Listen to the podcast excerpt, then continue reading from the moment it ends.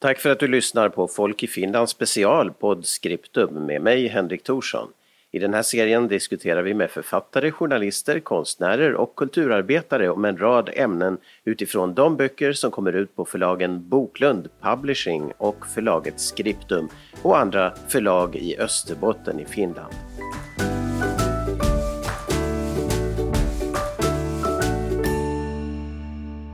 Ja, det här är alltså poddskripten Välkommen med och idag har vi återigen eh, dubbeldoktor eh, Klaus Storpe med oss. Välkommen! Tack, tack, tack, tack! Först och främst Klaus, som USA-kännare och eh, USA-nörd, hur går dina tankar nu en vecka efter den här stormningen och allt som har hänt? Ja, alltså de går ju, går ju kors och tvärs och huller om bullar. Alltså det, menar, jag minns tillbaka någon gång i forntiden när man tyckte att House of Cards var en spännande tv-serie och nu skulle man ju inte orka titta på den för det skulle kännas ganska meningslöst därför att verkligheten är så, så mycket mer så mycket värre helt enkelt. Och, och, och jag menar det är, ju, det är ju klart det är ju väldigt känns ju väldigt tumult, tumultartat för att det är ju ändå ett sådant scenario som som ja, man, man kunde väl veta att det fanns en, en risk för att liksom vad som helst kunde hända men att eh, man blev ju ändå ganska så tagen på sängen. Jag kan ju som bara ta som exempel att äh, jag var ute i garaget och höll på att pyssla med ett äh, trädgårdsmöblemang som minsann har sitt sina bästa dagar så jag försökte piffa upp dem lite och jag fick ju inte vara i fred för telefonen började pipa hela tiden. Man får konstiga meddelanden om att, att pågår det en statskupp i USA? Jag tänkte att det är någon som har, har tömt förrådet av julglögg eller något liknande. Men jag blev tvungen att gå in på gå in och, och kolla på tv och det var ju ganska liksom, förbluffande scener som, som ju förstås chockade, chockade oss alla. Du berättade ju senast att, eh, att i det läget då, eh, några dagar före jul, du hade skrivit om, eller kanske du hade befarat att det skulle bli mer sånt här liknande och värre redan tidigare under hösten eh, lite prognos som du hade funderat kring, eller hur? Visst var det så? Jo, jo det, det var så för att eh, den här boken som jag skrev då, Trump och hans värld, så där satte jag punkt 9 november, men att också i det här slutkapitlet så, så skrev jag ju att man att få se vad som händer och jag kommer inte ihåg hur jag formulerade mig men att så oroligt som det var. Men att då, då vi talades vid senast så hade ju liksom ingenting hänt, alltså inte i termer av att folk har fått sätta livet till och, och, och så vidare. Så att då vi talades vid senast så var jag ju så positivt överraskad över att det, liksom det som jag var rädd för inte hade hänt ännu, men sen då, så, då vi var framme vid 13 dagen och man skulle samlas för att liksom formellt slå fast de här lektorsrösterna så brakade ju helvetet loss och eh, och det var ju som, ja, alltså det var ju som, som märkligt från början till slut att eh, vi tar nu en sån här som Mike Pence då som har varit trogen presidenten liksom under fyra års tid. Och det, det ska väl en vicepresident vara också, sen kan de väl gräla i en rum om så är fallet. Men, men att då plötsligt så går Trump ut och liksom lastar det på honom att ja, ja, men att det här med rösterna, det ska vi nog fixa, att det där, det där kommer Pence att ordna. Liksom, i en situation då Pence alltså har en uppgift som närmast är att sprätta upp kuvert och berätta att the great state of Virginia har röstat si och så, och öppna 50 kuvert och rab rabbla upp. Alltså det var en ceremoniell uppgift och, mm. och plötsligt blir han ålagd av presidenten att kullkasta ett, ett valresultat och i en situation då, jag menar då en massa människor är på väg, på väg till Kapitolium som, och de är, hur ska jag uttrycka mig diplomatiskt, de verkar inte vara experter på amerikansk författningsrätt, så det är genomsnitt de som samlades där. Mm. Och det hördes ju också av de som bröt sig in att de, skulle, att de skulle hänga Mike Pence och så vidare. Att det var ju totalt absurda grejer som, som man såg och hörde ska jag väl tillägga. Men någonting som jag reflekterar över nu då, inte en vecka har gått ännu sedan den där attacken var och Eh, när man följde den, jag följde den också, jag vet att vi båda satt uppe den natten och ganska länge och, och hela tiden. Och det var ju, eh, jag menar dels så är det det att du, har, du hade ju talat om det här eller haft lite förhör om att det kunde bli värre grejer också. Och samtidigt så ser man, när man börjar titta på det så var det ju lite söndagspromenad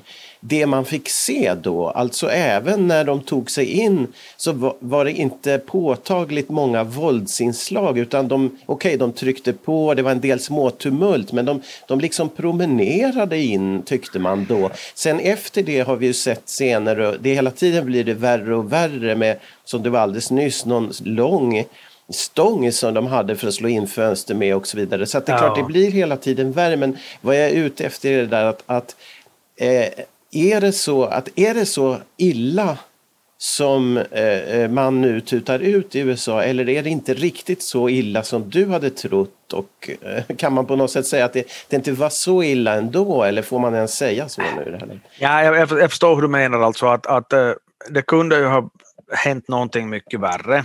Mm. Eh, men det som, alltså, jag hade närmast tänkt mig kanske liksom dödsoffer till följd av gatuvåld regelrätt ute på gatorna. Ja, just det. Att de kan, att de kan traska in i Kapitolium så förvånar mig storligen för att jag, mm. alltså min, min uppfattning av bevakningen av ett sådant ställe så är nog att, att, eh, att det här att liksom, den som försöker ta sig in så, så kan inte göra det ostraffat utan har liksom x antal gummikulor i, i sig. Men mm. där fick man ju intrycket då man såg de här första bilderna av just det här som promenerar in att, att det är som svårare att ta sig ombord på ett, på ett flygplan i Vasa om man ska ner till Helsingfors eller över till Stockholm därför att där ska man där, ja.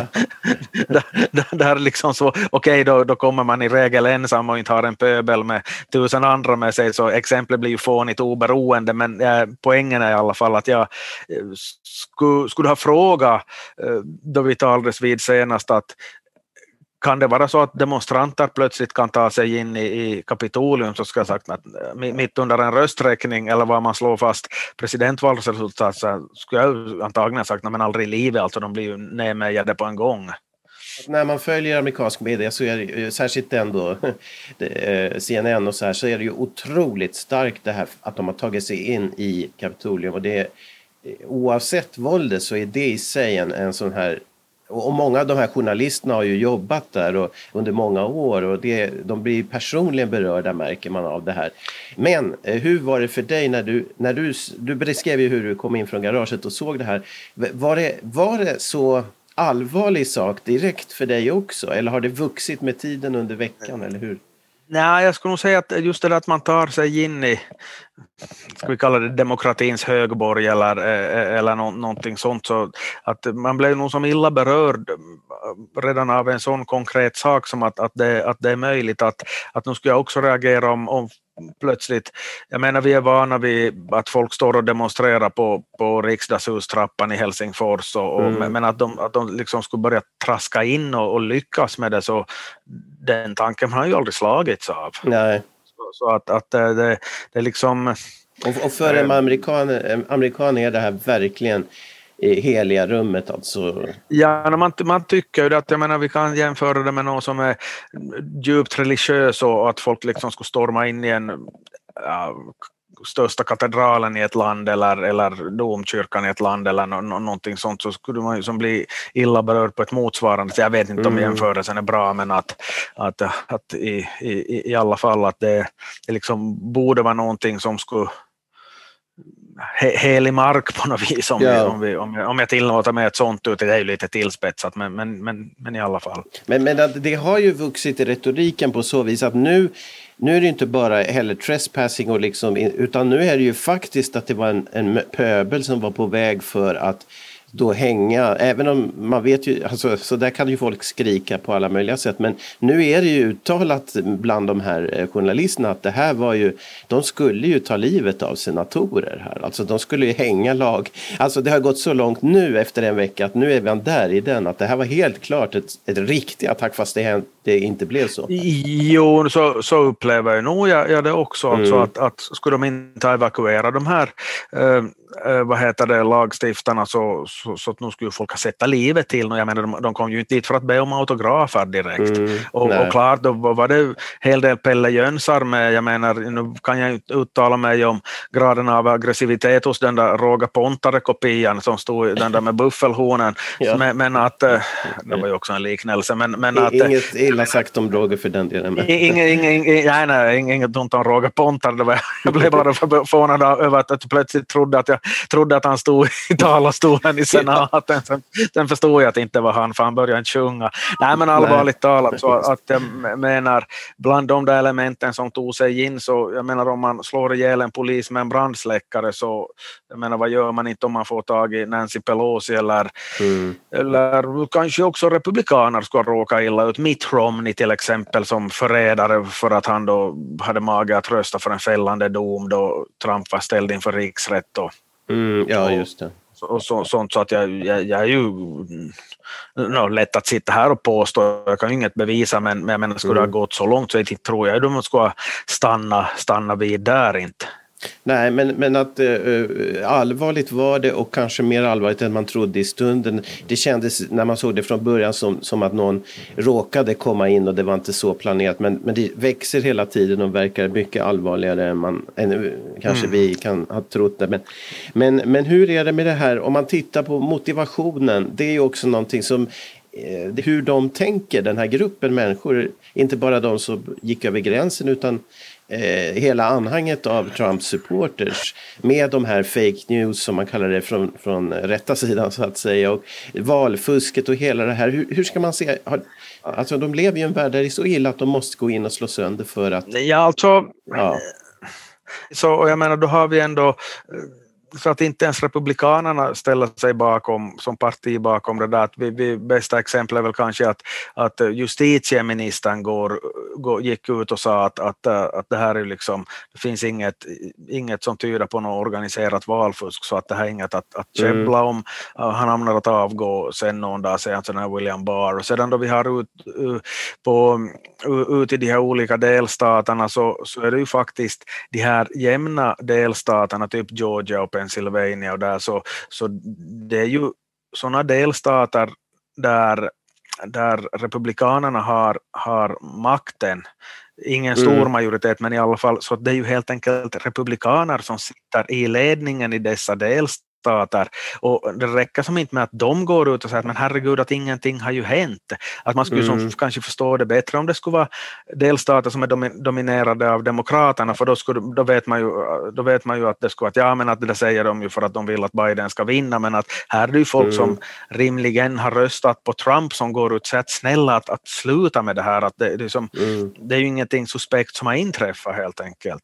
Att visa på den här graden av fanatism helt enkelt att Trump har mm. liksom framstått som den här good guy då som aldrig kan ha fel och, och jag är ju fascinerad mm. just över hur väl han lyckas för att strängt taget så, så utmärkande för Donald Trump är ju nog rätt långt att han beter sig på ett sätt som folk normalt sett ogillar med politiker, det vill säga man pr pratar strunt och ljuger och, och, och, och så vidare och, och, och det här man liksom bara åstadkommer konflikter istället för att lösa det. Men att sådana då som, som kanske aldrig har, brukar rösta normalt därför att de ogillar politiker, så den som då är liksom snarast en karikatyr på, på nidbilden av en politiker, så han är helt okej. Okay. Mm. Det är helt fascinerande som fen, fen, fenomen, att han, han framstår som den här good guy som, som, som står för de rätta värderingarna i kampen mellan det hederliga folket och de korrupta eliterna och så, så, så, så vidare. Så att, att nu, nu han, ju, han är ju, eller det är ju klart, han är ju ett politiskt fenomen som lyckas sätta känna av tidens puls på något, på, på något vis. Orsaken att vi nu sitter och, just, vi sitter och diskuterar med varandra är att jag då skrivit en, en bok om Trump och den är, den är på 322 sidor men att jag, jag skulle med lätthet kunna skriva 50 sidor till. Och det är folk som på skämt eller allvar har tagit kontakt och sagt att, ja, kanske del två är på gång redan. Eller något i den stilen. Så att, så att, men, men det är sådär man vill, det är sådär man vill ha ut något i julhandeln. Så. Ja, precis. Trump och hans värld heter den på skripten förlag. Och där, där har vi ju diskuterat förut att du har en slags betygssättning också av presidenter. Och det är ju helt intressant nu. Ja, vi talade också om det i senaste samtalet att, att du, du hade så att säga, värre exempel då än, än Trump. Men eh, nu är det ju väldigt mycket prat om att Trump är långt ner bland de här amerikanska journalisterna. Och den här Andrew Johnson kommer hela tiden upp som, som den värsta av alla. Men, men nu är Trump mycket nära i deras värld. Men liksom som du också sa, så har de ju inte sagt att han är sämst i alla fall, utan Andrew Johnson tycks vara deras. Och jag såg att du har också honom bland de fem sämsta, mm. eller var det så? Mm, ja, ja, ja, ja, att Andrew Johnson så är ju nog en liksom, klåpare av rang i presidenthistorien. Men eh, det var ju det att då jag betygsatte eh, Trump så var jag mån om att betona att i det skede som jag gör det så, så vet jag ju inte om, om han kommer att bli omvald eller, eller inte. Och, natur- mm. och allra minst så kunde jag liksom förutse det här, eller jag kunde ju inte gå på så att ja, ifall han blir vald så kommer det att bli kravaller och det är hans fel, alltså får han lite färre poäng. Att det, det funkar ju inte liksom så, men att mm. om vi säger så här, det är väl kanske det som är egentligen din fråga, att, att eh, att om man skulle eh, skriva om det idag så jag menar hans omdöme i historieböckerna så det har ju inte blivit bättre av vad som har hänt under de här senaste mm. dagarna för jag menar även om eh, det nu är svårt att fälla honom på liksom de här juridiska grunderna för den där yttrandefriheten är, är så pass stark i, i, i USA men, men jag menar jag, mm. jag, jag har nog svårt att, att förstå sådana som inte tycker att, att Trump har bidragit till en uppvigling för att det räcker med att se vad han har skrivit på Twitter till exempel att, att, ja. att eh, vi, samlas där och, och, att, att det här kommer att bli häftigt och, och så, vidare. Så att han, är, han är nog minst han, har verkligen inte bromsat upp det, det kan ju, det kan, kan ju ingen påstå. Sen nej, att, att det skulle att, att fälla honom för det, så det, det tror jag inte kommer att, att, att ske. Eh, dels för att den där yttrandefriheten är så stark så att du ska nog, han har ju inte sagt åt dem exakt att de ska gå in och döda talmannen inte, eller, eller vicepresidenten, det har han ju inte sagt, det är entydigt. Nej, nej. Men, men hans betyg har sjunkit i din, på din lista? Eller? Nå, no, har det väl sjunkit på de flestas listor ant, antar jag, så att eh, det får man, mm. får, får man väl nog tillstå. Och nu har man ju bestämt sig för att rösta om impeachment imorgon i, eh, när vi gör den här mm. intervjun i, eh, i representanthuset. Och så får vi se sen vart det leder. Men vad är din uppfattning om den åtgärden? Eh, som... Det känns ändå lite som ett spel för gallerierna eller att man vill göra en markering över hur missnöjd man är över, över vad Trump har gjort. Men jag menar, det, det lär ju inte gå igenom för att, för att eh, kongressen är ju indelad i representanthuset och i senaten och först röstar man i, i representanthuset. Där räcker det med, med enkel majoritet och då kan man anta att eftersom Demokraterna är en, har tio platser fler än Republikanerna så, så kommer det att gå vidare till senaten. Där är de 50-50. 50 lika, eh, och, men där krävs det en kvalificerad majoritet på två tredjedelar. Det betyder ju att 67 av 100 ska ställa sig bakom det där. Så det betyder att även om samtliga demokrater vill då ge kicken åt Trump så krävs det ändå att, att 17 republikaner av, av 50 ställer sig bakom det där. Och jag förstår inte hur det skulle kunna vara möjligt helt enkelt därför att, att eh, att Trump är inte så himla impopulär i sitt eget parti. Och sedan om vi tänker på de här människorna som sitter där och ska rösta så att de kanske kommer då från, eller vad då kanske i de flesta fall kanske, kommer de väl från en valkrets där Trump är är populär och väldigt stor del av ens egna väljare upplever att det ligger något fusk bakom och sånt. Så att det är ju en oerhört svår hög tröskel för, för de här republikanerna att, att ställa sig bakom en, en fällande dom. Några enstaka kan göra, Mitt Romney gör det har gjort det en gång förr så han gör det en gång till men, men han får ju inte 16 andra med sig. Eller jag fattar inte hur det skulle vara möjligt i alla fall. Så att man kan säga att det, det, i och för sig kan idén vara okej okay, men det är det att det inte leder någon vart. Är det mm. därför du lite, tycker ja, det är lite onödigt? Eller? Ja, och, och, och då, kan man, då är det ju lätt att, att för någon som sitter och ser på det men tycker Klaus att man ska få acceptera, acceptera vad, som, vad som helst. Eh, det gör jag verkligen mm. inte men, men då är jag som sagt tror att det ändå inte handlar om något mycket annat än att, än att göra en markering. Och då, då blir det ju ändå det att det är naturligt om, om både en och annan tänker att men, men herrejösses att, att covid-19 så sprider sig fortsättningsvis som en löpeld och, och, och stora frågetecken kring ekonomin och att folk dör som mm. flugor och företag går omkull. Att, att det handlar om prioriteringar, att, att är det bättre att, att liksom driva det här partipolitiska käbblet ännu längre eller borde man fokusera på någonting annat? Så att det, det är liksom pass pragmatiskt man ser på det helt enkelt det är lätt att ha en väldigt bestämd åsikt men att frågan är då om man liksom utgående från vinkel man, man angriper det här, det här problemet mm. för att innerst inne så okej okay, det är ju ett sätt att visa att man inte tycker om Trump, men jag tror väl att de allra flesta har fattat från förr att Demokraterna inte är så förtjusta i Donald Trump, så att, att jag tror att man behöver inte berätta, berätta det hela tiden. Ingen markering behövs. Men, eh, och det är ju också det här att Biden ska få lugn och ro i sin start av sitt, sitt arbete och också man har talat om. Men de här andra då, senatorerna som då börjar, som inte gav upp den där kvällen sen när de kom tillbaka och fortsatte med sina Eh, invändningar mot eh, mm. så att säga valet trots att den här händelsen hade varit. Hur ser du på dem? Var, var det rätt att göra och, och borde man, borde man eh, komma åt dem i alla fall på något sätt och sätta dit ja, dem det, på något sätt? Ja, no, de har ju inte gjort något olagligt, de har ju bara markerat sin åsikt kring det hela. Men mm. det där är en intressant aspekt, redan den här mängden av de här människorna som ju nog understryker hur pass stark Trump fortsättningsvis är inom sitt parti liksom via sina sympatisörer på gräsrotsnivå för att, att grovt taget så handlar det om att om vi räknar ihop representanthuset och senaten så sitter där då lite över 250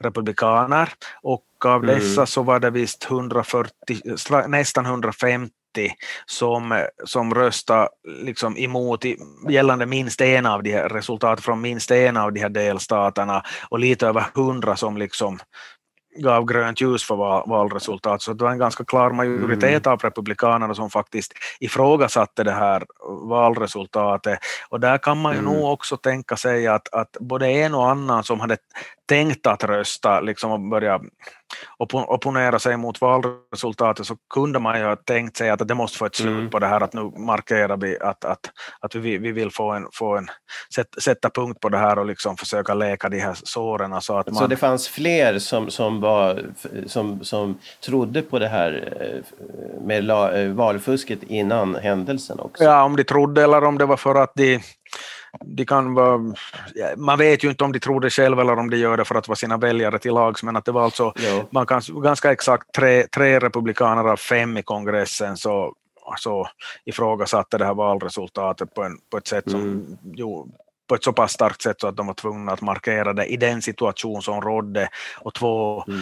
två, fem, två av fem så, så konstaterade att men låt gå, vi måste gå, gå vidare det, det, var ju oerhört många tycker jag. Ja, nej, men, eh, intressant att se och eh, eh, din bok Trumpans värld finns alltså på boklund.fi. Man kan beställa den där eller den finns också i bokhandlar bland annat i Vasa på eh, Akademin Gros bokhandel i torget och så vidare där ni hittar den och kan läsa Eh, bakgrund kan man säga till det här och sen hoppas vi på en fortsättning. Åtminstone i poddform. Eh, för vi hoppas att få talas vid även efter att Biden har blivit insvuren, kanske någon lite in på den tiden med dig för att höra läget då. Eh, beroende på hur mycket som händer, det har ju varit turbo sista veckan. Men en, en sista sak som jag tänkte fråga, det var Eh, nu har det varit upprört om den här Confederate Flag som hade en, en, en man som sprang omkring med den där. Eh, det fanns ju även utanför, alltså sydstatsflaggan är det väl då, mm. ja. som, som var utanför, men den var även inne där, en man. Och han råkade, på bilden så är han då mitt emellan en sån här riktig slav som blev misshandlad faktiskt i, där i, inne i Kapitolium då på 1800-talet. En, en motståndare mot slaveriet och sen på andra sidan en tavla av en slaverianhängare. Där står han på den här bilden, lite märkligt. Men den flaggan, det har vi kanske i Norden inte uppmärksammat att den är så stark symbol. Att det, de är verkligen upprörda över det här. Har du en inblick i det och kan förklara det på något sätt? Ja, alltså den här sydstatsflaggan så har ju en, i regel en helt annan betydelse. Det är ju liksom raggare eller folk som tycker om 50-talsrock som brukar associeras med, med, med, med den. Hos oss ja. ja hos, hos, oss. I båda länder. Jo, ja. det, jo, det var det jag menade, så att därför kan det ju bli lite svårt att förstå för någon som, som så att säga inte vet så mycket om det amerikanska, men att att det, frågan om den där sydstatsflaggan har blivit mer infekterad även i USA på, på senare år. Att, att, ja, ja, att, så att liksom så mycket annat har blivit, att den har fått en starkare symbolvärde och, och, och då är det ju det att, att jag menar sydstaterna så, så bröt ju sig ur liksom för att få behålla sin livsstil inklusive slaveri och, och allt det här då där i början av, mm. av 1860-talet. Men och då i början av kriget så klarade sig sydstaterna bra, de hade liksom bättre generaler och så vidare och hotade ju att, i ett skede hotade de ju faktiskt då att gå in till Washington, för Washington ligger ju precis på gränsen till, till, till, till södern så att, att det, det klart att det ser lite märkligt ut, eller inte så lite, men att, att någon, ett tu tre, någon upprorsmakare springer omkring med en sån där inne i Kapitolium, så, så det, det, det, det, stärker, det som förstärker ju hela, hela, hela, hela, hela det här. Att, eh, det... Så, det, så det är både det att, att eh, de här staterna som bröt sig ur och trotsade den gemensamma överenskommelsen som sen ledde till krig och sen är det också att flaggan har, har eh, liksom en, en, rasistisk värde idag och ja. den vita vitmaktrörelsens flagga lite grann eller no, till och med neonazisterna. Ja, det har ju blivit det för att den figurerar ju nog i alla tänkbara sammanhang om det är något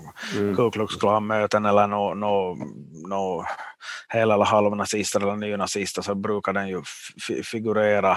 Och därför, mm. Men att det var ju nog alltså ett sånt galleri av flaggor flaggor där utan, utanför och inne i Kapitolium. Det var ganska många, man tog Jesus saves på det. det kändes lite, ja. kändes lite konstigt i sammanhanget. Jaha, men att varför tog de med just den flaggan då? Och, ja. och sen, sen mitt i hela den där röran så ser man en kar som är utklädd i den här uh, uniformen från frihetskriget mot britterna ja. på 1770-talet och går omkring för sig själv och spelar på en virveltrumma. och, och till synes helt helt ensam utan, utan någon annan med sig. Men i och för sig, vi kan ju skratta åt honom, men att jag skulle föredra, jag vet inte hur många, hur många människor som var där, men att det skulle kanske ha varit bättre om allihop skulle ha gått omkring och varit med någon maskeraduniform och peruk och spela trumma, men att, att då kanske yeah. det är lite svårare att slå sig in om man har en trumma att hålla reda på. Men det så, så bara som så där, då man såg honom första gången så att vad, vad är det där för någonting? Klaus Holpe, det är fantastiskt spännande att prata med dig. Tack så mycket och vi hoppas vi återkommer inom inte allt för lång tid. Så mm. din bok finns alltså på eh, boklund.fi. Den heter Trump och hans värld som du som lyssnar kan läsa mer om det här och lyssna igen på oss. Eh, totalmedia.com, där hittar du våra podcasts. Totalmedia.com. Tack Klaus Stolpe för din medverkan. Tack själv, tack själv.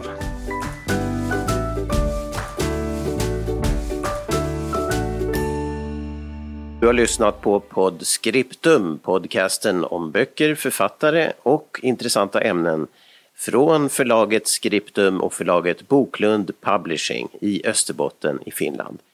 Du hittar fler program och andra podcastserier som du kan ladda ner på hemsidan totalmedia.com, total med th, totalmedia.com. Och du kan läsa om nya böcker på sidan skriptum.fi.